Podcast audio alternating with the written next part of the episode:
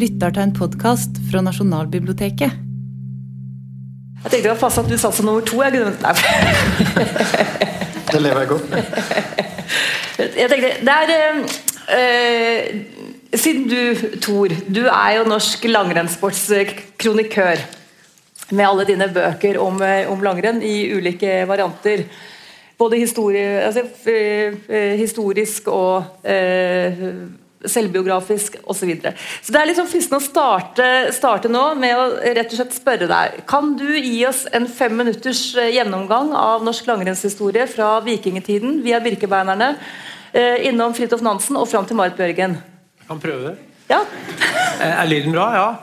Nei, vi vet jo fra arkeologiske funn at nordmenn har gått på ski tusenvis av år. og Birkebeiner gikk jo da i 1206. Torstein Skjæveland Skjelva Skukka med Håkon Håkonsson fra Gudbrandsdalen til Østerdalen. Kom fram, og Han overlevde. Han ble konge fra 1217 til 63. og På 1700-tallet så oppsto det eh, militære skiløper, skiløpere. Skiløping hvor du skulle annet hoppe og skyte samtidig. En slags hoppende utgave av skiskyting. og Det var militære soldater, skisoldater i Nord-Norge og Trøndelag og, og, og Hedmark. Eh, vi regner med at det første langrenn regnes for å være i 1843 i Tromsø. Det var en kven som vant, det var fellesstart, men det var så klart langrenn. Samer er kanskje de eldste langrennsløpere vi har. I Kina har det sikkert gått på ski men Norden er skisportens våge, så jeg sier som Nansen, eller jeg er enig med Nansen at Norden er den moderne skisportens våge. og Eh, Sentralsendingen for legemsøker og våpenbruk stiftet i 1861 med tanke på løsgivelse av Sverige hadde da skytterlag, skilag.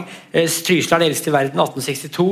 Eh, og, og, og, vi vet at uh, Det førte til konkurranse bl.a. til Kristiania. Sonne Nordmann var her i 1868, 1879 i Husbyrennet, 1892 Tre Kollen. Også Nansen, da, som var fra 1861 til 1930. Han døde vel 69 år gammel. og våren der, og Han var jo da eh, Nansen tok jo mange ideer fra utlandet men jeg, som omsatt i norske forhold, fra Tyskland og England, for der var idrett en del av dannelsen. Og, og Vi gikk jo på skiutunionen, som Tor Bomman Larsen sa. og Eh, ski og skøyter ble norsk nasjonalidrett. Eh, Holmenkollen ble skisportens Olympia. Nordisk skiløping, da, for det var jo nordisk skiløping der. Så kom alpinsport på 30-tallet. Eh, krigen kom, skiløpere der. Holmenkollen OL 52 som vi så her. VM i 66. Femmila starta i 1888. 7. februar klokka 8 på Majorstua T-banestasjon. Femmila da i to runder fra 1914 Én runde fra 14 til 50, to runder fra 51, tre runder 53, 66 klassiske runder som Gudmund gikk fram til 97, så 98 til 2008 til tre runder, og så seks runder fra 2010. Uh, Kvinnfolk har gått, mannfolk har gått uh, tremil for damer, og langrennssporten står vel fortsatt sterkt. Uh, det er en del av folkesjela for mange, og selv om du ikke liker langrenn, så har ofte folk en mening om det, selv om du hater det, hvis du er det som heter etnisk norsk, da.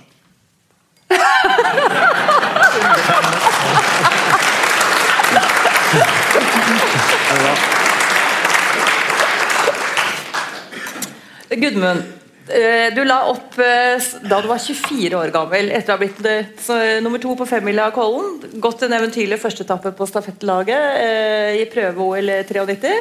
Ja. I 1995 så utga du på Villspor, hvor du stilte grunnleggende spørsmål om toppidretten.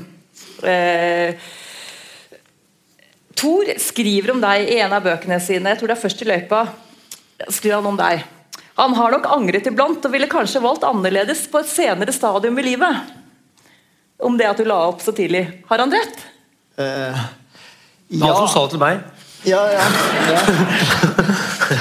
Men det er jo, eh, det er jo eh, Hva skal jeg si Det er litt, både litt sånn litt sånn umodent og, og, egentlig ikke rett å skulle falle sin egen ungdom i ryggen.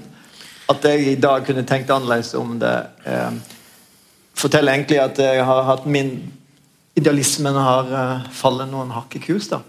Uh, men en annen ting er at uh, det er lett å tenke og drømme at jeg kunne kanskje ha blitt like god som ja, Vegard Ulvang nede i salen eller Bjørn Dæhlie og deg. Men, men det blir jo fort dagdrømmer. Så kanskje var, det, kanskje var det det beste jeg kunne nå den gangen. Så jeg skal ikke klage eller drømme om noe bedre.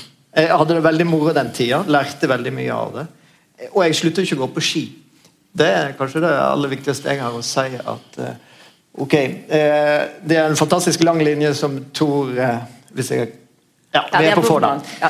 trekker da, og så er det veldig spennende å gå inn og diskutere hvor er det brudd i denne historien. Er, er, liksom, er Nansen en del av den samme historien som Petter Northug? eh, og er kvenene en del av den samme historien som Marit Bjørgen? Sånne ting kan vi jo diskutere etter hvert. da. Eh, men at langrenn eh, handler om eh, sånn som vi så på filmen her, om, om terrenget og frisklufta og, og dette magiske underlaget snø. da. Det er vi jo alle om her. Og Det er jo det som er viktig å bevare, ikke, ikke hvem som nødvendigvis går fortest, og om de klarer å slå svensker i, ja, i Hvor er det de skal gå i vinter? Nei, det er, jo det, veldig, det er jo det landet hvor alle de vakre kvinnene kommer fra. Det er Korea. På en golfbane. Jeg må bare spørre, bare sånn at jeg vet litt eh, hva slags publikum vi er her. Hvor mange av dere har gått på ski eh, nå i vinter? I vinter? Ja. Altså i høst? Tre? Fire? Ja, ja, ja, ja. Hvor mange her har merket Birken? Ja, ja. ja, ja. Nei, men kan ikke du spørre kan, Hvor mange har, hvor mange har vært til kikkut, da? Det er jo, ja, men det er jo det spørsmålet som gjelder. Ja, Ja. Flott. Ja, men da, da har vi kartlagt dere. Så, men det Det, eh, eh, det, jeg, eh, det jeg ville eh, fram til, var noe av det du var inne på. Er det samme idretten? Det, det, det du, når du starter med kvenene og slutter med, slutter med Marit Bjørgen Tor, er det eh, er, er langrenn og skisport det samme? Er bonden den samme om du bruker traktor eller hest? Ja, da antar jeg svaret er ja. Eh, Jeg vet ikke, men Poenget er at idrett er jo sånn som vi kjenner det, er jo organisert. og Det oppsto i England på 1850-60-tallet. kanskje, Det ble organisert, så det var helt sikkert idrett. eh, Løfte steiner, hoppe over bekker, løpe om kapp før òg. Men det ble organisert, og det var i seg sjøl veldig omstridt. Jeg skrev en bok om skisporten i Trysil, og der var det jo stor motstand mot at de skulle gå på ski, kaste bort tida på å trene. og Det var konkurranser. Da var det to klasser, de som hadde trent og de som ikke hadde trent. Eh, og, og Det reiste lærere rundt oppi der som holdt foredrag mot idretten. og Mikkel Fønhus var jo veldig mot eh, toppidrett. og Jeg skrev artikler om det fra 1920. Han skrev boka 'Skiløperen', som du har lest. 36. Flott. Og det finnes en veldig, ja, jævlig bra bok, og det finnes en Halstein Quislo av helten. Det finnes en eh, veldig arti, artig artikkel av Kristen Kvello i 19, fra 62 hvor han skriver om at nå må vi hause opp og vi må tjene penger og sånn. Så idretten, sånn som jeg tror det speiler samfunnet og, og, og jeg har jo Jeg liker jo ikke Jeg kunne ikke gått langrenn sånn som langrenn er i dag, for min del. Men jeg kan jo skrive bøker om det. Eh, For jeg, jeg, men jeg skiller mellom min personlige mening for meg sjøl, for jeg liker bare å gå, sånn som Gudmund. Eh, mens de som er med på gamet, de de som jobber i dag, må være knytta til en datamaskin. Kan du gå på ski. altså det har alltid vært sånn at For å drive idrett da, så må du henge med. På toppland så er det ekstremt, og det speiler samfunnet. sånn som Jeg tenker på så Jeg vet ikke om jeg kan svare på det, men jeg tror det at eh, verden forandrer seg. Som Bob Dylan sa, the times are changing. og uh, Det som noen vokser opp med, er kanskje rart for de som kommer senere. så eh, Jeg tror langrenn vil overleve, men at den, bli, den er blitt forandra, og så forandrer seg. En blanding av det. Særlig blitt mye forandra. Altså. Det har den blitt. Hva tenker du? Jeg kan, eh, det hadde vært litt spennende å, å bore, hvis jeg får lov å, å assistere deg. For den filmen vi så, Ja. var, var en fantastisk Ja. scene. Jeg har ikke sett uh, så flotte scener fra så gammelt Nei. av. Både at de følger det i fart, og at det er noe glimt av å være i farta. Eh, men eh, hvis vi nå bare slår inn i, i det der OL for 52 og det terrenget der Mm. For jeg hadde veldig lyst til å høre du, Nå når du har gitt ut den boka Det er kanskje et spørsmål du har for alt jeg vet Men gitt ut den boka om hoppsporten før og etter Wirkola, Ja. så har jeg lurt på eh, Har det åpnet noen nye perspektiv på, på, på langrennssporten når du ser For på en måte så så kan en tenke at de er så eh, vidt, vidt eh, forskjellige. Det ene er akrobatikk, og det er stadion, og det, det er kunst for, for kongen og for kvinnene. Ja. Eh, mens langrennet er transportmiddelet, og Ja. det er Nansens ekspedisjon over Grønland, og det sliter, da. Ja. Akrobatikk mot slit. Men, men sånn som de kjørte ned fra Frognersetra, husker du det, Glimte? Eh, det var jo nesten hopp. Ja. Eh, så det terrenget som vi nesten ler av nå, da, et- det var vel veldig viktig Eh, Johan for å måle hvem skiløperen var. Johan Grøttesbråten mente at løypene var altfor lett i 52. Han hadde vært med i 24, og da var det mye hardere, sa han. Så, og svensk, svenska var kritiske til terrenget i 52. De mente at løypene var for kronglete. Så i 54 i Falun så var det to spor, og da høgg de i skogen. Så da var det mer maskinpreparerte løyper. Du kan gå på YouTube og se. Så det var et, et paradigmeskifte da, kan vi si, etter ordet Oslo, for svenska mente at nordmenn hadde fordel av det. Eh, og, og, det hadde noe med terrenget å gjøre, Holmenkollen. Og Holmenkollen var kritisert lenge for å ha for å være konservativ, da, for å holde på gamle løyper hvor du gikk rundt det samme tre to ganger og videre. Eh, men Grøthusbråten, som da var født i 99, han mente da at løypene var hardere på 20-tallet. og I 53 var det NM der, i samme terrenget. og Da, la, da la han femmistraseen, to ganger 25 km, ned opp til Sørkedalen to ganger. Og folk måtte jo kjøres i slede på, var, men, så, så, så, så, han, hvis du skjønner Og så kommer da 72, da. Eller 66, da. Så ser du andre løyper, for da er det maskinpreparert for femmila av en scooter. Eh, på 14 år så skjedde det mye, så det har skjedd gradvis. Også vi da som har vokst opp med, med løypescooter, og så kom løpemaskinen, Så det skjer en sånn, en sånn gradvis eh, hvor løypene skal bli mer og mer strigla. Ja. Akkurat som en bilvei. Eh, men altså, eh, det, her har jeg iallfall unnskyld, lært mye av å lese To Bommer Larsen eh, i 'Den evige sne'.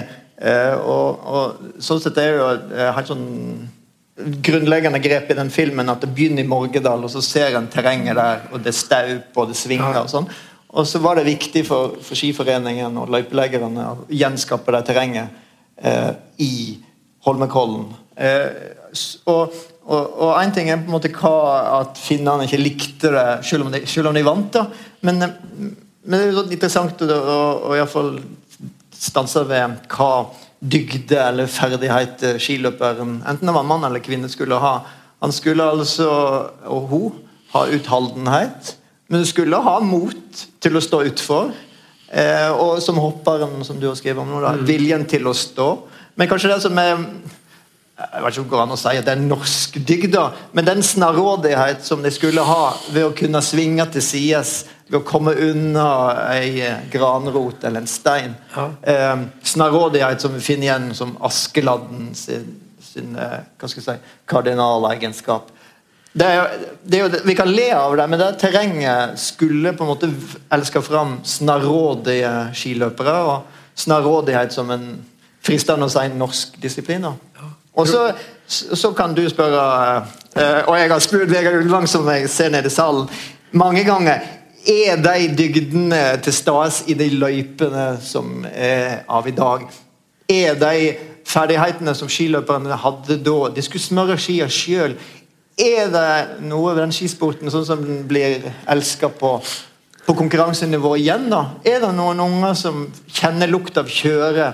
Eh, hva grad får juniorløper sjøl smøre ski, eh, kjenne terrenget, eh, være i kontakt med hva skal jeg si, skikkelig sånn eh, naturelementer. Der, der, har jeg skrevet mange sånne sørge, sørgekapittel. Eh, Innrømmer jeg, da. Men du må huske på at de som da var gamle ja. i 1952 de satt jo og mimra om hvor fint det var på 20-tallet. Og uh, Nikhil Fønhus han syntes det var fælt da, før 1920, da det var storrenn på Dokka. Så skrev han om de som smurte skia, for det var juks. Du skulle bare gå på Kyru. Tjukka skismøring, for det var en finsk oppfinnelse.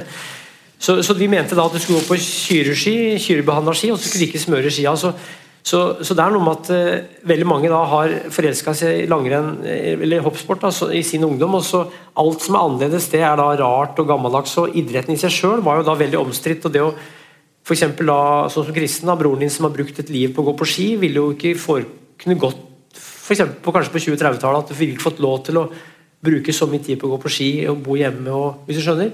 Så, så det i seg sjøl er omstridt. så jeg, jeg, jeg, jeg, er mer en observatør som, Nei, men, som, som, ser at, som, ser som ser at det, det, som vi opplever som i en viss alder, det, det anser vi som normalt. Og så tror vi alt, sånn som Brå for eksempel, da, Han ble sett på som en broiler.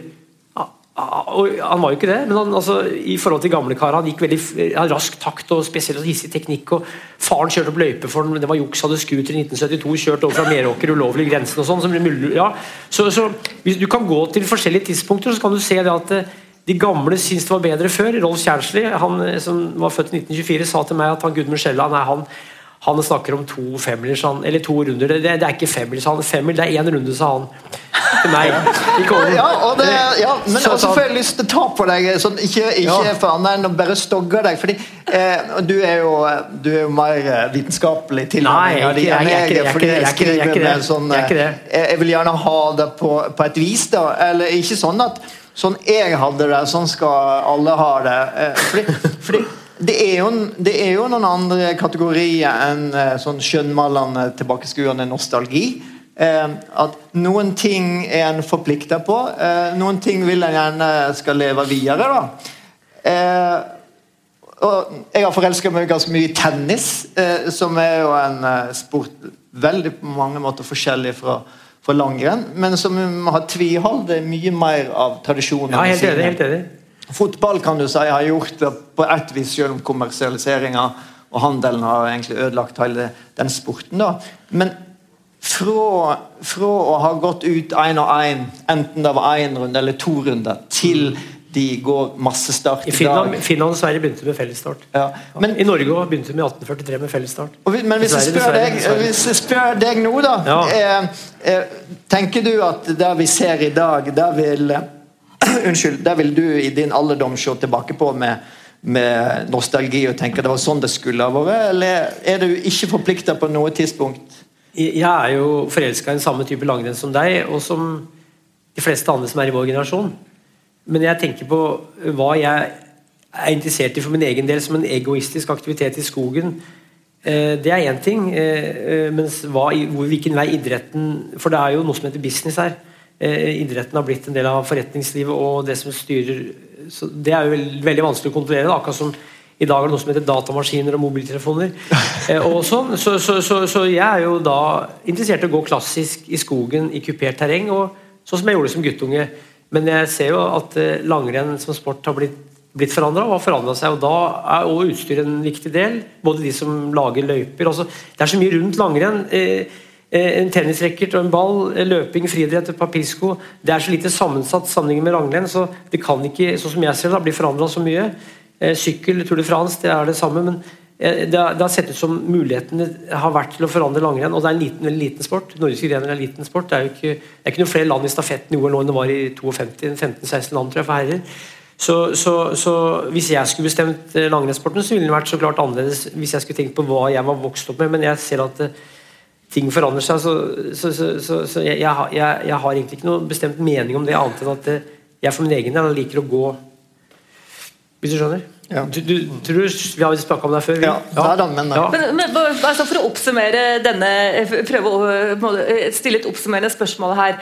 Eh, det er rett og slett Altså eh, Kan man si at den toppidretten som langrenn er i dag, den toppidretten som vi ser på TV-en, har den ødelagt langrenn? Sånn som eh, altså dette det, det Forestillingen om langrenn som en del av den norske naturtilstanden? Eller har det vært et helt nødvendig løft for idretten for å holde det eh, for å holde det intakt som nettopp den store eh, nasjonale samlende forestillingen for oss nordmenn.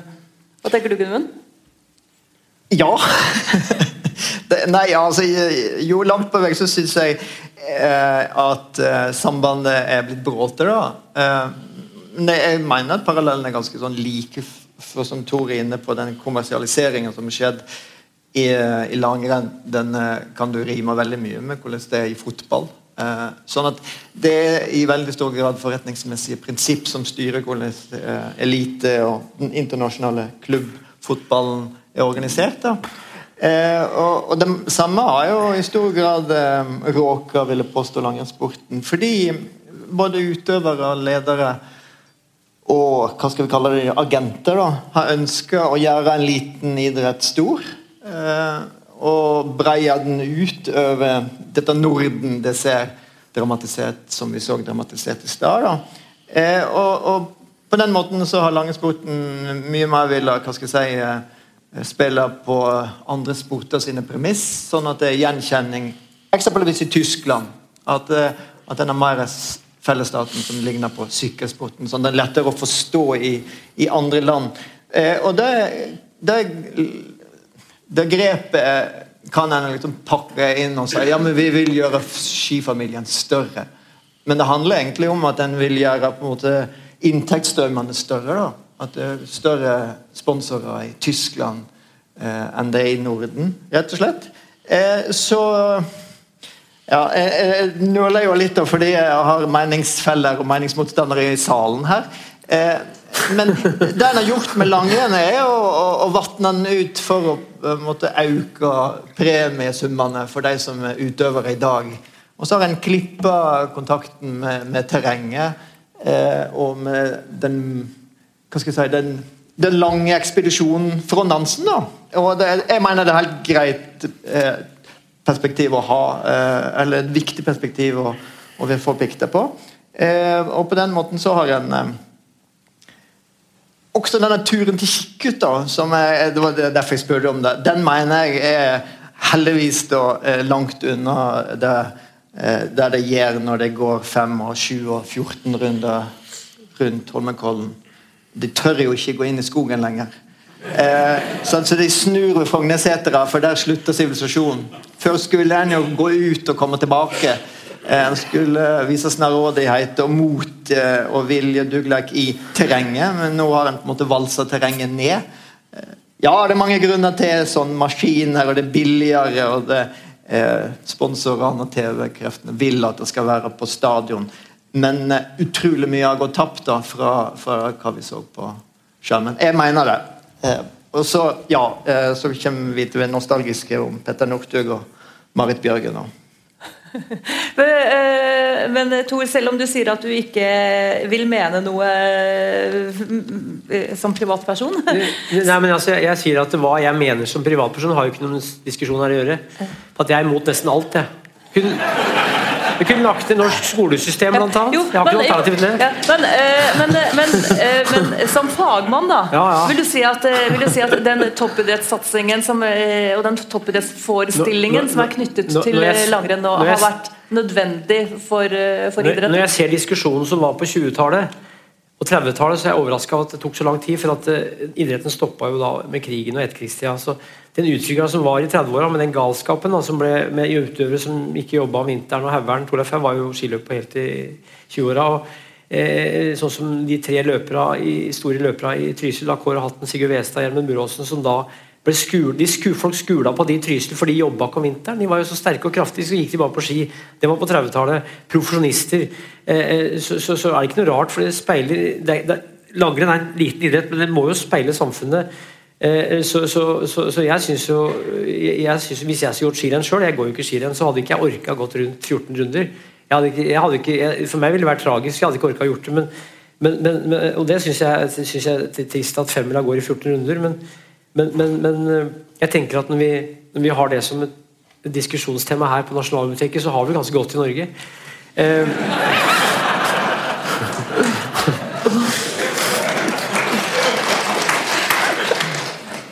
jeg, jeg, jeg, er mye, mye, jeg, er enig med for jeg, er enig med Gudmund på mange måter, men men jeg tenker at uh, som folkeminnegranskere hvis f.eks. Asbjørnsen og Mo uh, Mo var prest, og Asbjørnsen var jo forstmann, men de er jo folkeminnegranskere i nasjonalromantikken. Så samla de eventyr og bygde opp nasjonal identiteten. og hvis de, hvis de, hvis de hvis, så, så, måtte de, de tok det de fant, så jeg ser hva jeg finner, og så prøver jeg å formidle det videre. Uh, uten at det på en måte er en dommer. For jeg, som sagt, jeg, hvis du hadde visst hvor mye jeg var imot, så, så hadde ikke Ja. Egen, ja. Nei, og det, eh, det, er jo prisverdig fordi bøkene dine blir gode på den måten. Eh, og hvis du skal eh, Hvis du trekker ifra en hel del av den elegien jeg legger fram, så, så, så skal en jo huske på hva som har skjedd av godt. da, At kvinner har kommet til. Og det er jo i stor grad, vil jeg påstå, kvinner som bærer langrennssporten i, i, i nasjonalsyken, som gjenkjennende fenomen. Én ting er TV-serie om laget, men òg hvordan de framstår som, som et lag om kollektive verdier. Eh, så det, det, smerter jo eh, det, det, som er mest vondt for, for langrennssporten i dag, er, er, jo at Therese Johaug ikke får være med. At en av de beste og flotteste utøverne der blir eh, luka ut eh, av det er forståelig at dopingreglementet er så strengt, men det er jo eh, uendelig trist at det er slik.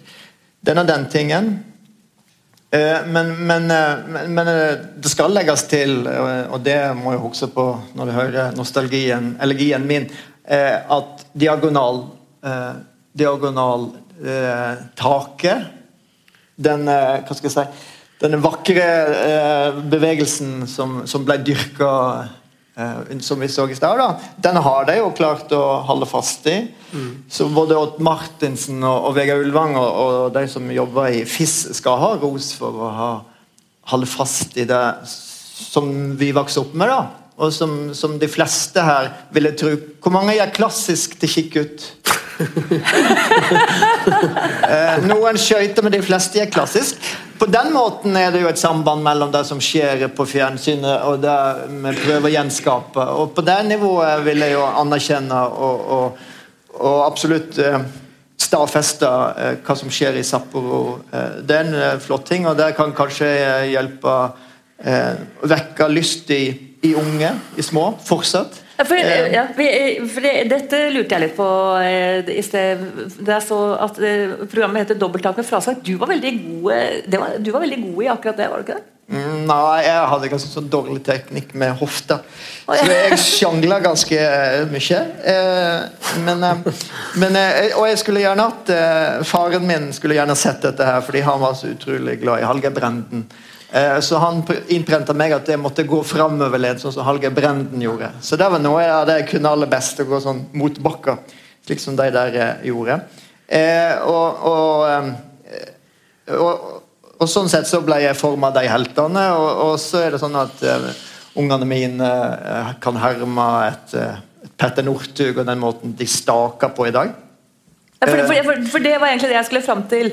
For det ble jo sagt en stund at Da var man redd for at disse teknikkene skulle dø. Både diagonalgangen og dobbelttak med fraspark. Så begynte Sundby å uh, hente det fram igjen. Og jentene har jo gjort det, gjort det hele tiden. Men jeg vil gjette at din sønn staker veldig mye mer når han går på ski. Han er ca. ti år. Enn det du gjorde da du trente? Ja, da, altså, du, da du ja, og unger i dag eh, begynner med å skøyte, da. Eh, fordi eh, sånn som løypene nå er preparert, eh, så, så er det mer intuitivt.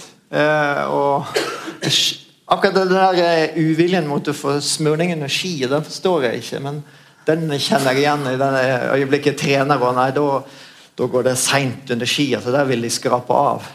Sånn er nå det. Eh, men, men den kontakten der, den fins. Eh, eh, så på det nivået så, så gir det mening å snakke om topp og bredde og, og, og den lange linja som, Ja, At det henger sammen? som, som ble dratt. da. Nansen var jo motstander av to staver. Eh, så han gikk jo bare med én stav. Eh, han mente det var uestetisk å gå med to staver. og det var vi, Jeg er født i 65, staka jo mye mer enn far, som er født i 1942. så da vi gikk langrenn, husker jeg sikkert, så var det mer staking enn enn Og det var en annen type staking. for så, så stakinga har forandra seg. og Så var det en periode med mye diagonal i 40- og 50-åra, og så var det staking Så det, teknikkens historie var forandret, teknikken har forandra seg. så så, så, så eh, Den store stakeren i 60-åra var jo Ole Elvesæter, som da hadde en spesiell måte å gå på. Sånn måte å stake på. Han trente mye på Purkdalsveien oppe i Nybygda. Eh, og I 71 så lå han eh, og trente sammen med Pål Tyldum og Erik Røsbakk, og da var det pigging. og da drev Ole og pigga. altså Han, han var en god staker, da, hadde korte staver. men så altså Alt forandrer seg. Det syns jeg er interessant. For, for, for, for, um, Vi tror at eksempel at eh, jeg har bilder av finske skiløpere i 1917 som står og pigger akkurat som i dag, hvor de ser ut som de sitter på en dass. hvor de sitter sånn så, så Det er mye som har skjedd før som vi ikke tror. Hvis du ser på historien, så ser du at det har vært sånne diskusjoner før. Og Personlig så elsker jeg diagonal. Motbakke, slak, motbakke. Jeg mener at livet er femmil med intervallstart. og altså Motbakke, slak, motbakke på ski, det er, det er optimale, syns jeg. Ja, og da, for det, det var der du eh, ironiserte litt lett over i stad, eh, at vi har det noe godt i dette landet som kan diskutere eh, den der runden eller to runder. Det, det, det, er, er, veldig, det er et kompliment, det. Ja, eh, og Ja. for, og for, for det jeg sier det jeg, ja. eh, Jeg er med deg. Eh, Ja. Det jeg sier der vi så i stad eh, Ok, vi er født, i, født langt mot nord eh, under barske forhold, da, og så har vi gjort eh, det som mange sivilisasjoner ville tenke på som en, en forferdelig ulempe. Vi har gjort snøen til noe av, si, noe av det aller beste, da. Iallfall i en av årstidene. Eh, noe av det helt nødvendige. Så det som blir tematisert, er jo ikke bare nasjoner i kamp og svensken som vi skal slå der, og eventuelle mellomeuropeere som, som ikke er så gode engang. Eh, men, men det er jo eh, med et veldig fint ord estetikk, da. Eh, eh, Altså, I stedet for at en tenker at du har eh, den flotte kunsten på Nasjonalgalleriet, og så, så har du de som svetter, de forsvinner til kikkut, så er det samband mellom de tinga eh, når de langer ut. Eh, og Det er derfor det er så flott at eh, den, eh, det diagonaltaket, den eh, slake motbakken, at det smurning energi, at det fortsatt er bevart. Eh, for det er eh, ikke bare er det vakkert, men det er, en- det er en måte grunnleggende å være menneske på. da. Og som gjør at det er helt naturlig at vi sitter her og diskuterer eh, sambandet mellom de aller beste og eh, vi andre som prøver å komme oss til kikk ut. Kan vi speile oss i dem, og i hvor stor grad er de avhengig av oss eh, eh, for å kunne på en måte være stolte nordmenn? da? De mener, de mener at samene fant opp diagonalstilen. Samene skal, det var de som har jeg lært at samene fant opp, for de gikk gjerne på korte ski. De skulle jakte, og så hadde de korte ski. Og nordmennene gikk jo gjerne på, i Sør-Norge gikk på lange ski. I Trysil var det noe som het andord. Da sto du på den, på den lange skia, så sparka han fram den korte, korte skia, som var skinnkledd med gjerne elgskinn bakover. og Da hadde du én lang stav, så, så samene skal begynne med diagonal. Visstnok da, og Det var for å, for å legge ned bytte, for da kunne du løpe litt sånn som korte ski. Løpe da i løssnøen for å Eh, Så diagonalen er sannsynligvis ikke så gammel eh, sørpå i Norge. Den, den er eh, eh, Nei, det er sikkert at, det er ikke sikkert at folk i Sør-Norge har gått diagonal mer enn Det het jo ikke diagonal, for Lauritz Bergenal han, han drev og trente. Han var født i 1887, så drev han og trente på forskjellige teknikker. Han satte opp en, en vekkerklokke på, på, en, på en stubbe oppe i Sørkedalen, så gikk en runder. da, og så var En teknikk som han skrev, da, som gikk fort, det som senere blir kalt diagonalstil. Så Da hadde han ikke noe navn på det. Han testa ulike teknikker, Pascal og diagonal. og Så, så, så, så det, det ble definert da på begynnelsen av 1900-tallet, det med eh, diagonal. så Det er ikke så gammelt som vi tror. Jeg har tenkt å skrive en bok om langrennsteknikkens historie som skal, som skal hete 'Ingen går så pent som Harviken'. Jeg har samla stoff, så den kommer kanskje hvis jeg får litt tid om et år eller to. Så, det er da og Han var en av de som gikk bra på ski. Gudmund Skjelland i diagonal. Men- Ja, det, det, men Harviken og det gikk mye Ja. penere. Det, Ja. det Han var jo der. Han var, altså, han var jo der. Og han gikk, han gikk like fint på ski når han brøyta løype. Altså, jeg gått- jeg snakka med folk som har gått bak ham. Han brøyta han like pent. Han kunne ikke gå noe annet enn så pent. Eh, og eh, Når du knytter sambandet til samene, så blir det jo enda vakrere. da. Eh, for det er jo en annen grunn til at vi skal sitte her og snakke om skisporten. fordi eh, hva er det som binder sammen? da? Eh, at det da finnes et samband mellom eh, en, det vi må kalle en urbefolkning og en minoritet, og det som på en måte er blitt hva skal jeg si, den dominerende eller definerende majoriteten. Det er jo en nydelig ting. Eh, Det andre som eh, ble så fint dramatisert eh, av de klippet vi så, det er jo sambandet mellom grenda i Morgedal, grisgrendte strøk, og så eh, bærer de fakkelen til Bislett. Eh, by og land, da. Eh, og at skisporten klarte å bevare eh, et samspill og en dynamikk mellom skiforeningen og disse, disse husmannssønnene og bondesønnene. Eh, og at det fortsatt er slik da, at Petter Northug eh, får helst på kongen. Eh, Marit Bjørgen fra en sånn liten gard at hun, eh, at hun eh, blir beundret av hemingløpere eh, i, i den hva skal jeg si, den mer velbemidla delen av Oslo. Det er jo en nydelig ting, og som gjør at vi må ta vare på nasjonalidretten. Eh, Morgedal-myten er jo konstruert fram til 52, for det er jo bare tull at skisporten oppstod der. Eh, og, og det var, eh, For å ta en lang historie kort, da, så var det da en kar som reiste rundt og som samla stoff til en artikkel for Skiforeningen. Eh, han skulle skrive om skisporten i Morgedal. Han het Torjus Løypedalen. og Så fant han så mye at det ble bok. eh, og så var det en lærer som fant ut at vi kan jo lage en film. og Det ble konstruert, og det er ikke noe gærent i det. For eh, det er en veldig bra story med en, da, eh, en kar fra Morgedal som, som da kommer inn til Oslo. ja, Sonne Norheim, født i 1825, var her første gang i 1868. Vant et renn bort på Iversløkka foran Eilif Bekken og Halvor Halvorsen Dahl fra Trysil. Eh, Så, så, så det, det er en sånn Hollywood-story som er veldig godt lagd, og som, og som du ikke kan unngå like. Eh, Men den er jo bare eh, et moderne altså da var Avhengig av at det var en film, du kunne ha filmteknologi. Du kunne ikke konstruert den myten her i 1870, for da fantes det ikke film. Du kunne hatt bilder. Så, så det er en sånn story à la Hollywood, som, som, som da Og så klart Hollywood eh, så, så, så det er og avhengig av som jeg sier, teknologien. altså kom teknologi, så den, er jo, den, den nasjonale myten der som vi har vokst opp med, den er jo konstruert. da.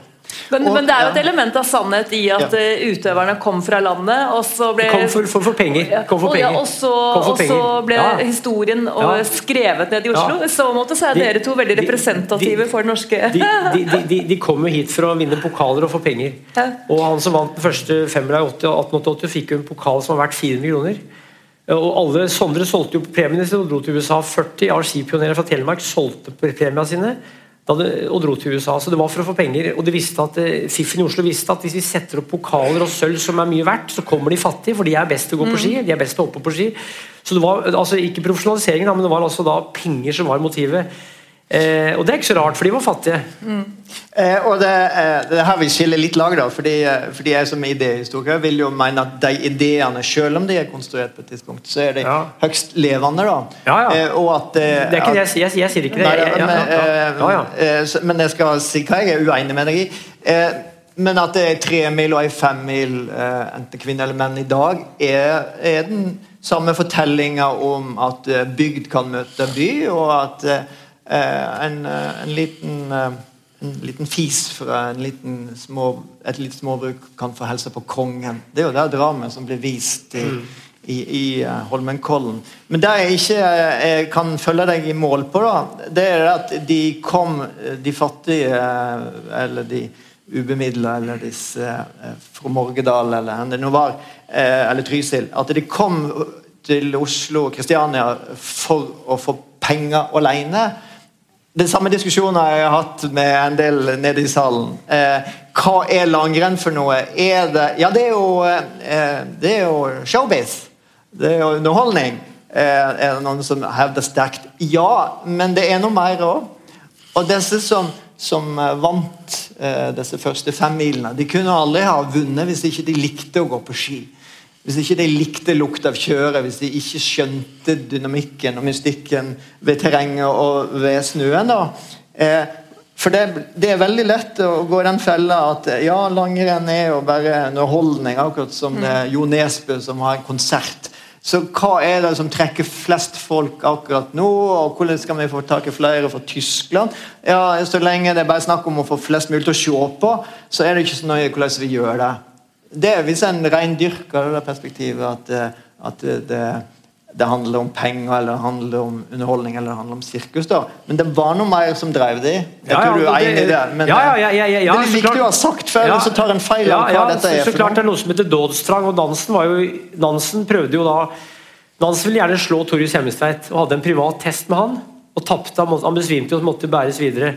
Så, så Nansen hadde ikke eh, eh, Han var jo fra byen og var ikke så sterk grunnsterk som da f.eks.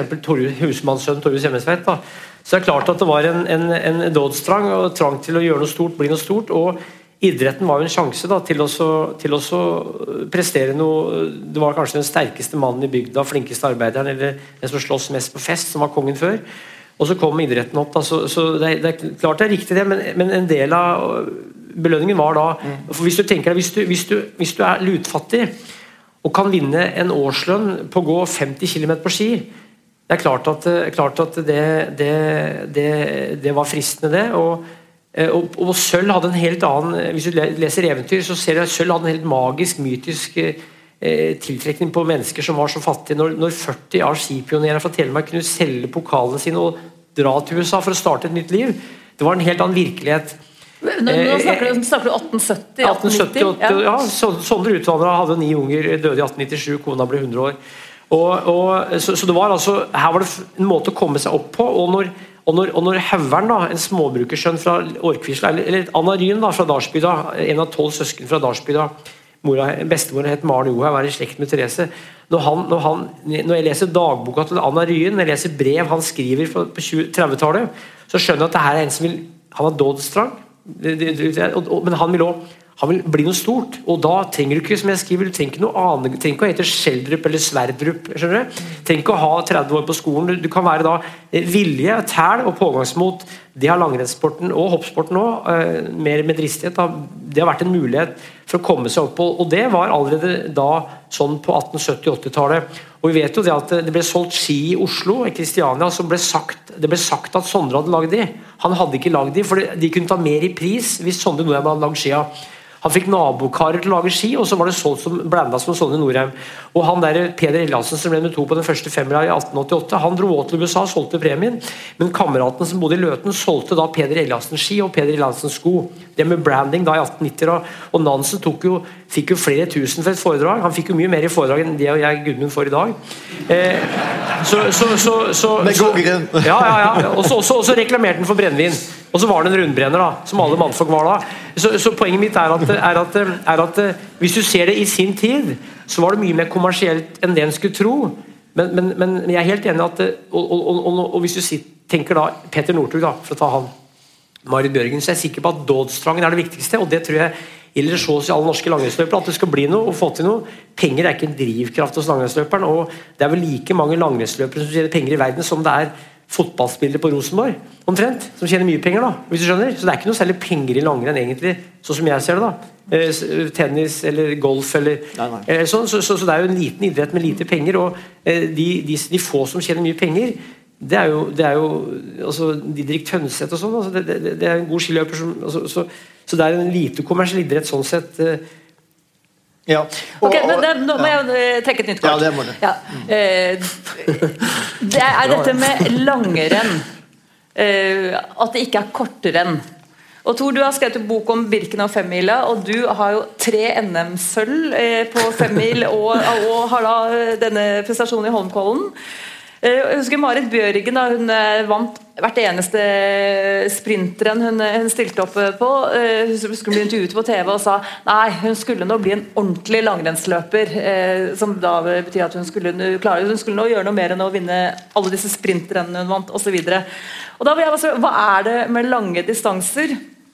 Så, altså, for de av oss som jo gjerne syns at kort er bra, så, så, ligger det en sånn ei med en sånn forestilling av at det er noe moralsk høyverdig med å gå veldig langt. ja, det, her skal jeg to få snakke mest. For det, det var, dette var jeg nysgjerrig på eh, noen du har skrevet den hoppboka. Ja. Fordi eh, For Skiforeningen var det jo et ideal at de både gikk eh, langt, ja, ja. 18 km i alle fall. Eh, og så skulle de hoppe. Du kunne ikke gjøre det ene uten det andre. Det, hvorfor skulle det være sånn?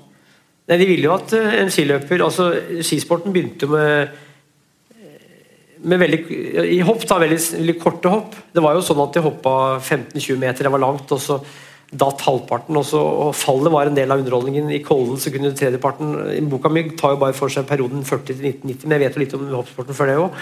Så det handler om at eh, du skulle både hoppe og gå på ski, altså beherske alt. da så det var et ideal. Et år så starta de jo langrenn på, hoppa de, og så gikk de rett ut på langrenns, det samme skia i, i langrenn ja. kombinert i Kollen. Så, så, det, så det, det, det, var noe som Skiforeningen, da, som var en liten klikk oppi, oppi åsen her, delvis eh, så, så, langrenn ligger jo i navnet langt skirenn. Det, det skal være langt skirenn. Altså, det er jo da femmila mener jeg, i 1888 som, som, markerer virkelig starten av langrenn. Det var jo lange løp for det, og det var et renn i Trondheim i 1838 hvor det gikk 10 km lengdeløp. Men at det skulle være langt, og derfor så tror jeg statusen blant de som driver med det, er at det skulle gå langt. Hvis du begynner med friidrett, så kan du drive med 100 meter, eller 400, eller 800, eller 1500 eller maraton, men i langrenn så begynner du med langrenn. Altså, de fleste langrenns... Altså, det fins vel bare én langrennskonge i Norge som aldri vant ei femmil, og det er Hallgeir Brenden. Han har et par andreplasser, i hvert fall på femmila Kollen. Han vant aldri ei femmil, allikevel er langrennskonge. Det tror jeg du er enig i at For å bli langrennskonge så må du måtte vinne femmiler. Det er det som er langrenns... Også for damer er det tremil, da. Eh, jeg mener jo damene skulle gått femmil òg, men, det, men det, det, gjør det ikke av en merkelig grunn. For de løper maraton, men det er vel kanskje fordi ja, bredden kanskje er litt eh, mindre da i toppen, eller vet ikke. men så det er noe med at det ligger i navnet, mener jeg.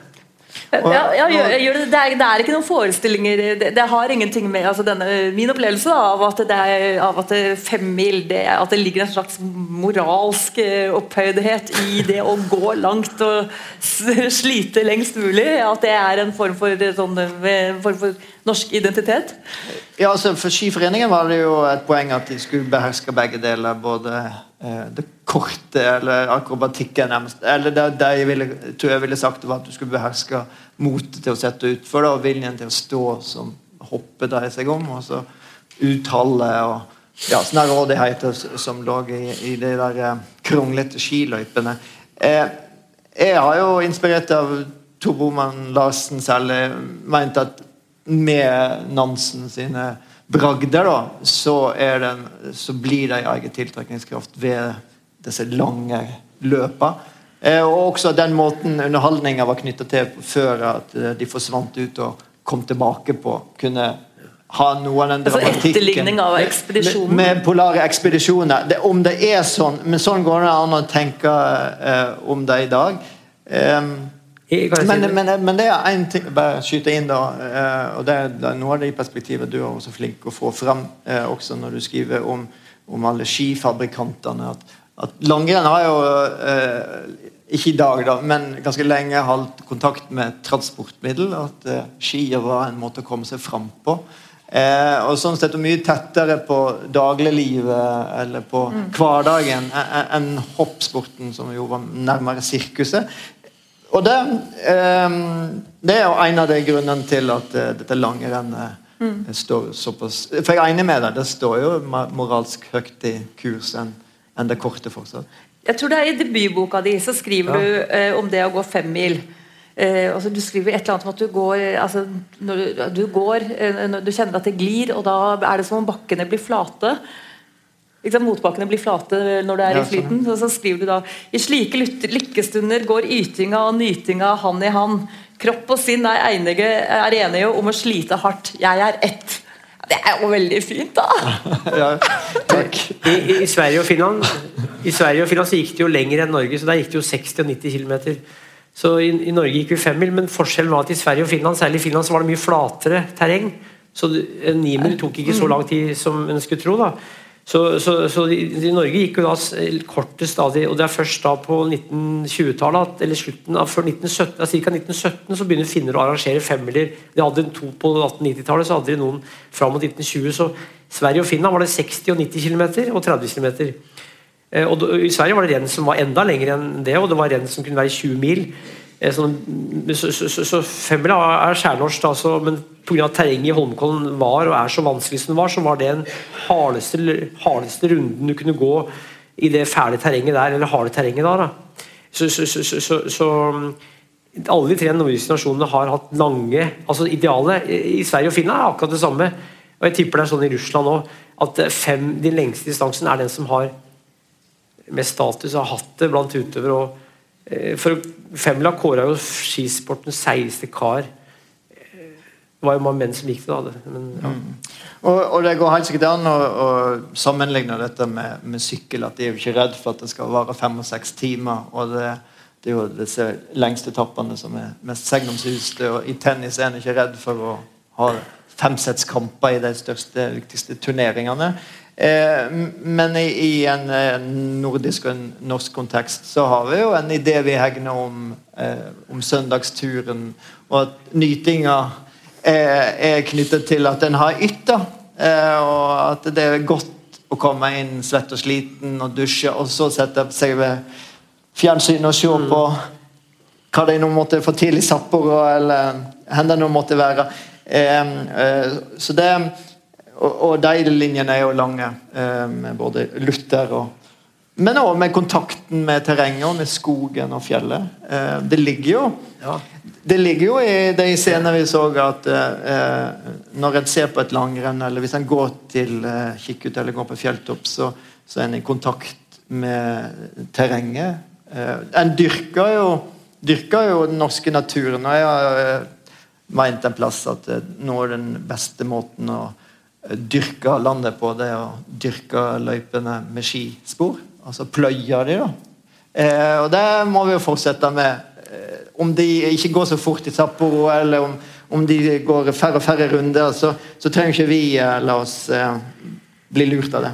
Men eh, jeg, jeg, jeg lurer på da, da jeg var liten, da var det, da var det jo jeg, vil påstå at langrenn som den store idretten står sterkere i dag enn den gjorde da jeg var liten. Det kan hende at jeg er feil, men f.eks. hoppsport var svært. Uh, skøyter var svært. Det, det, som, skjer, det som er, er typisk Ja, ja så, så, så det, det lurer på dette, uh, Man har jo opp gjennom tiden sagt at skøyter er den store idretten, hopp er den store idretten. I dag er vi jo stort sett enige. I en kort periode så trodde man at langrenn skulle bli utkonkurrert av skiskyting. Mm. Men nå har liksom langrenn etablert seg. Men er det mulig da å tenke seg at om om 20 år så vil man sitte og lure på men hvordan i all verden kunne denne lille tøysesporten uh, være så stor? Det, det, er mange ting som at, gjorde at hoppsport da var veldig stort. for at uh, Før TV-en kom, så skulle du se et hopprenn, måtte du stå og se bakken. og Hvis noen tenker åssen det er å se hopprenn på TV, reprise slow motion, framfor å stå i bakken og se tre sekunder, Eh, så, så er det over, og aldri mer igjen. Eh, og, og, I hopp så så du alt som skjedde. Du ser alt som skjedde. Var, de var gladiatorer som, som, risikerte livet, og det å se fall var en del av underholdningen. Og de hadde fine sånne trikoter, som jeg sier her. Uh, sånne strekbukser. Her har Bjørn Wirkola kjøpt sjøl på Herman Mehrer. Og så har han japanske hansker, og så har han OL-lua og OL-genseren fra 68. Så har han da splittgens med, med teip her. Ja. så, og skøyter òg. Det var stadionidrett, så du kunne se alt i langrenn. Så forsvant de inn i skogen og ble borte flere timer. Så TV-en har gjort langrenn til en, eh, en bedre publikumsidrett. Eh, og hopping, skihopping også, klart, og skøyter òg, men, men, men, det er veldig få som driver med mosjonistskihopping. Eh, eh så, så, så, så, langrenn er jo en, halv, eh, langrenn er en halvbror til den norske religionen turgåing. Og det å gå på tur er jo en norsk Jeg kaller det nesten religion, for jeg mener at nordmenn er jo vi trenger ikke å gå på puben, eller noe sånt. vi kan gå i kirka vår da, eller katedralen vår er naturen. Og Uansett hvor du bor i Norge, om det er Oslo, Bergen eller hvor som helst, om du er den mest byhyppe personen på Grünerløkka, hvis du sykler et kvarter, så er du i skogen, fjellet eller havet. Og Det gjelder alle nordmenn. Så sier jeg det fint i Oslo. Ja, vi bor rett ved marka. sier jeg. Ja. Så, så, så, nordmenn er, og Møter nordmenn i utlandet, som jeg har gjort ofte, så snakker de om det er skigåing og, og turgåing. Det er det de sitter og mimrer om. I Australia og overalt vi har vært. Så, så, det er et eller annet vi får med oss som jeg tror har noe med nærheten til naturen når vi vokser opp. Jeg vet ikke om det blir sånn når alle da bare har gått og sett på en mobiltelefon på vei til 100 meter til skolen, men jeg tror det blir sånn da òg. Så, så, vi har noe i oss, mange av oss som har vokst opp oppi her. og det selv om, om de ikke har det så mye som meg og en del andre, så har de et forhold til det tror jeg, som det er vanskelig å slippe unna. Eh, eh, fordi vi også stammer jo fra, stammer jo fra naturfolk i det landet her. Men hvorfor var Med setring og alt det der, ja. Det Katrine lurer på, er jo, eh, tror jeg Eller jeg òg lurer på det. Hvorfor var hoppsporten så stor, og så er den Du mener at den ikke er Iallfall ikke for ja, oss, da? Ja. Jeg, jeg, kan eh, si litt om det. for at eh, Hvis du tenker deg da et, et, et, et samfunn hvor det ikke er noen, ikke er noen scootere, ikke er noen løyper til å kjøre opp løyper du, du har, Hvis du har lite snø, så er det lett å lage en hoppbakke. Og eh, En langrennsløype må brøytes, den må preppes. Hvis du husker hvor du gikk opp løyper, det var jo flere dagers arbeid for å lage en lang runde. så Det var lettere å lage en hoppbakke i det kuperte landet her for mange. Og, og På Sørlandet så var det lite snø, men de klarte å lage bakker. og de begynte gjerne med å både hoppe og gå langrenn. Jeg vokste opp med å hoppe og gå langrenn på det samme paret. Vi hadde et par som vi kalte Trysil-Knut. Hoppa og gikk på det samme paret. Jeg, men jeg var verdens største redder, så jeg turte ikke å hoppe noe. Brødrene mine var mye tøffere, så jeg var bare pingel. Jeg likte å slite. Men så, så skihopping var noe som, noe som mange drev med attåt langrenn, og det var forbudt fram til 1963 for gutter eh, å, å, å, konkurrere i langrenn. Da, da, ble grensen satt ned til tolv år. Så det var en, for du kunne ødelegge lungene, ble det sagt i Norge. I Finland og Sverige var det lov. Du kunne ødelegge lungene, så det var altså skøyter og skihopping som var guttesportene. Altså Inntil du var tolv? Ja. Eh, Fra 63 så ble det lov til golf for tolvåringer. Så Før det var det 15-16, og så var det før krigen var det junior. De gikk i sånne lokaler igjen, men eh, Skiforbundet nekta da ungdom å konkurrere mye i, i langrenn. De konkurrerer i hopp. For De skulle bygge opp hoppferdighetene, annet. Så kunne de bli gode langrennsløpere. Det var en tanke som Skiforbundet hadde, og Skiforeningen, da, som var konservative. Mm. Så det har noe med, at, eh, noe med hvordan de Men alle, sånn som Stein Eriksen, som alpinist, han var en veldig god langrennsløper og en god skihopper. De, alle skiløpere, de fleste skiløpere beherska jo da flere disipliner, men de konkurrerte kanskje ikke i det. så så det var noe med at, eh, og, og, og, og som jeg sa, mosjonisthopping, altså hvor mange er det som driver med det? Eh, det er ikke så mange. Og, langrenn er jo da noe du kan fortsette med til du blir 100 år. Eh, og det er turgåing. Du kommer ut i naturen. og så 1960 så datt Bekkelangsbakken ned. og Da ble det plutselig farlig å hoppe på ski. Da ble det mange bakker revet ned. Og så kom langrenn, og så kom jentene med. Så det er en sånn sakte utvikling, tror jeg da, gradvis, hvor Det var 300 som hadde løst hopplisens tror jeg, cirka nå. Og så var det 3000 i 87. Så var det kanskje 50 000 som hoppa renn på 50-tallet. Da var det obligatorisk å være med i langrenn. I, i skoleskirenn. Så ble alt farlig etter hvert. så Så det er, det, det, det er vanskelig å si enkelt, men, men, men skihopping er det, er bare ett land hvor den har vært veldig stort, og det er Norge. Eh, fra, kan vi si, fra begynnelsen på 1900-tallet og fram mot 70-80-tallet. Hvor, hvor, det var sånn at um, alle gutter som ikke drev med hopp, de ville gjerne drive med det hvis de hadde turt det. Og jentene syntes de var barske og tøffe. og, og ja. Mm. Jeg lurer på om vi begynner å få signal om at vi er nødt til å runde av. Det, det er det om. Da må jeg bare stille et, siste, et aller siste spørsmål. Eh, hva er de største truslene mot langrenn? Eh, det sies f.eks. at eh, den totale norske dominansen både på herre- og damesida er en trussel. Eh, at avstanden mellom toppidrett og langrenn, eh, sli, og langrenn slik vi andre utfører det, er eh, en trussel. Eller er det rett og slett eh, den eh, fremtidige mangelen på snø som til syvende og sist kommer til å ta knekken på eh, forestillingen om langrenn som nasjonalidretten? Ja, jeg gjetter vi er enige om det. Det har kanskje vært en grunnmotiv i de bøkene jeg har skrevet om det. da, At det er jo underlaget sjøl som er i ferd med å forvitre under sporten. Og under en fjerdedel av eksistensen vår, da, hvis vi tenker den fjerde årstida. Så når, eh, så når eh, Ikke bare hvis. Eh, når vintrene blir kortere og kortere, når ikke lenger er fire måneder en kan drømme om å komme seg til kikkut, men realiteten i snitt er to. da, og Snittet i to betyr at noen vintre er ikke lenger sikker på at det blir plystrende fint føre til kikkut lenger. Og, og unger må kjøres i bil, de må til fjellet. En må i Skiforeningen nå så lyser det ut en sånn anleggsarbeider som skal jobbe med kunstsnøproduksjon. Eh, det er jo måten å krampaktig holde fast i det på. Men at en må lage den snøen som, som var den magiske gåva fra oven, eh, det forteller jo noe om hva mystikk som er i ferd med å Pga. oss, da.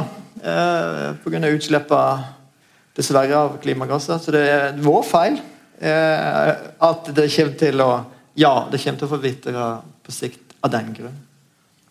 Jeg tror langrenn vil overleve men det er snøen. da, og Far han er, bor oppe i Brumunddal har målt da, snøen i Brumunddal hvert år fra 1971. og I vinter var første gang han ikke kunne gå på ski derfra. Eh, fra, fra. Altså, han ser en tydelig forskjell i, i det opp, området jeg vokste opp. da, og og da er det sånn at de ikke kan særlig gå på ski hjemme i bygda, så de må kjøres da, og det er snøen som er, er Snøen er, snøen som er jeg tror hvis det, det, er mye snø i Oslo og Trøndelag, så kommer langrennssporten til å leve i 10 000 år til. Altså det, det, jeg er sikker på at nordmenn vil gå på ski hvis det finnes snø. Det tror jeg er snøen som er det viktigste. Eh, det tror jeg alle er enige om som har litt interesse av det.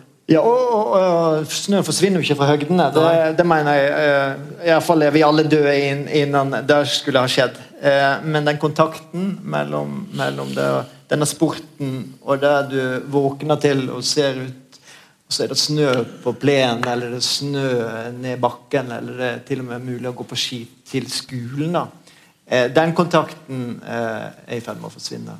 Og Det, det er jo langrennssportens virkelige bærebjelke da, i, i, vårt, i vår kultur. Du, jeg må bare spørre deg, for jeg, jeg, si, jeg ble så utrolig imponert. Jeg synes Det var så kult å se de klippene fra, fra 52 av, av, løypene og utstyret og, og skiferdighetene deres. Eh, eh, og litt sånn, litt sånn jeg tenkte, ah, Det hadde vært så kult å sett de gå for ski i dag i den typen løyper, og sett eh, hva det hadde gjort med hva det hadde gjort med idretten. Og så har sagt utover det, Smør skiene dere selv. Det er en del av det å være en god skiløper. Eh, gå ut, gå ut i disse løypene her som ikke er kjørt, kjørt med stor maskin, og test, test ferdighetene. Altså, hva, hva, tenker du, hvor, eh, hvor gode er disse, disse mennene og damene vi så her? Du kan ikke være noe bedre enn best. Nei, nei, men, eh, men altså, hvis, du, hvis, du, tar Martin Stokken, da, som var her, han var jo litt dårlig teknisk, for han vokste opp i Snillfjord hvor det var lite snø. Stokken begynte å gå seint i langrenn, og han satt litt mye når han gikk, men han hadde jo 29, var fjerde i verden under 30 på 10 000. Han var godt trent, altså. Han, og Ole Elvesæter, hvis du husker han, han hadde vært, hatt Stokken som trener i Garden. Og Stokken sa at en, en vellykka økt for Stokken var hvis han hadde løpt fra alle de han trente. Eh, så han, han var godt trent, og, og, og, og, det er klart at du kan ikke være bedre enn best. Hakkelinen som vant femmila i 52, han, han drev og barka tømmer. Da barka han 200 stokker på en åttetimersdag. Og det er ingen nålevende nordmann som har klart. Så de, de, hadde en type seier og styrke eh, eh, som veldig få har. Men, men, men, men eh, jeg tror det at de beste er best uansett. og eh, Det er nok lettere i dag tror jeg, for folk som ikke har kanskje det fysiske råtalentet som mange av de her hadde. Å komme seg opp, for du kan trene, du kan spise og hvile og, og sånn. Jeg tror at De var enda mer avhengig av, av å komme fra sånne kår som, som skiløpere gjorde da. I dag kan det komme fra I dag er det åpen mulighet for flere. da. Flere, flere bakgrunn, sosiale og, og geografiske bakgrunn kan flytte på Meråker og komme fra så Tor Arne Hetland kommer fra Rogaland. Så det her var nok mer, typer som var enda mer produkt av naturen og omgivelsene i oppveksten. Det ser vi på hvor de kom fra òg. Hvis, hvis den går, ja. Og det er jo Gudmund og det er et eksempel på en, en som da vokser opp Ja, for jeg tenker jo litt når jeg ser på disse her, Gudmund, at dette her, det må jo være sånn du holdt på. Ja, jeg ble i hvert fall eh, veldig imponert. Eh, og Vegard Ulvang, som jeg har til og med herma, som er en av mine gode treningskamerater, vi satt i hvert fall nede i stallen her og var, var mektig imponert over hvor fort det gikk i de skråliene. da. Eh, så eh, som du sier, Det er veldig godt sagt at det beste alltid er best. Eh, Nansen sa jo at eh, en skulle øve idrett og skulle en sky sport og all slags rekorder. Eh, og Det som var fint med det de glimtene vi fikk se, det var å se hvor gode, eh, hvor gode ferdigheter dugleiker de hadde på sine premiss i sin tid. Og så mener jeg det er lurt å spørre hva var det de eh, skulle representere, og hva var på en måte deres dygder, snarrådighet, i stedet for at vi ler og tenker så mye bedre det er blitt. Og så minner Tor meg på at jeg må ikke si så mye bedre det var da heller. Nei, eh, jeg eh, vet ikke hva dere skal gjøre neste helg, folkens, men jeg drar til Skeikampen. Tusen, takk tusen takk for at dere kom. Eh, tusen takk for at dere kom, og god vinter, alle sammen. Måtte det komme masse snø. Det er bra. bra.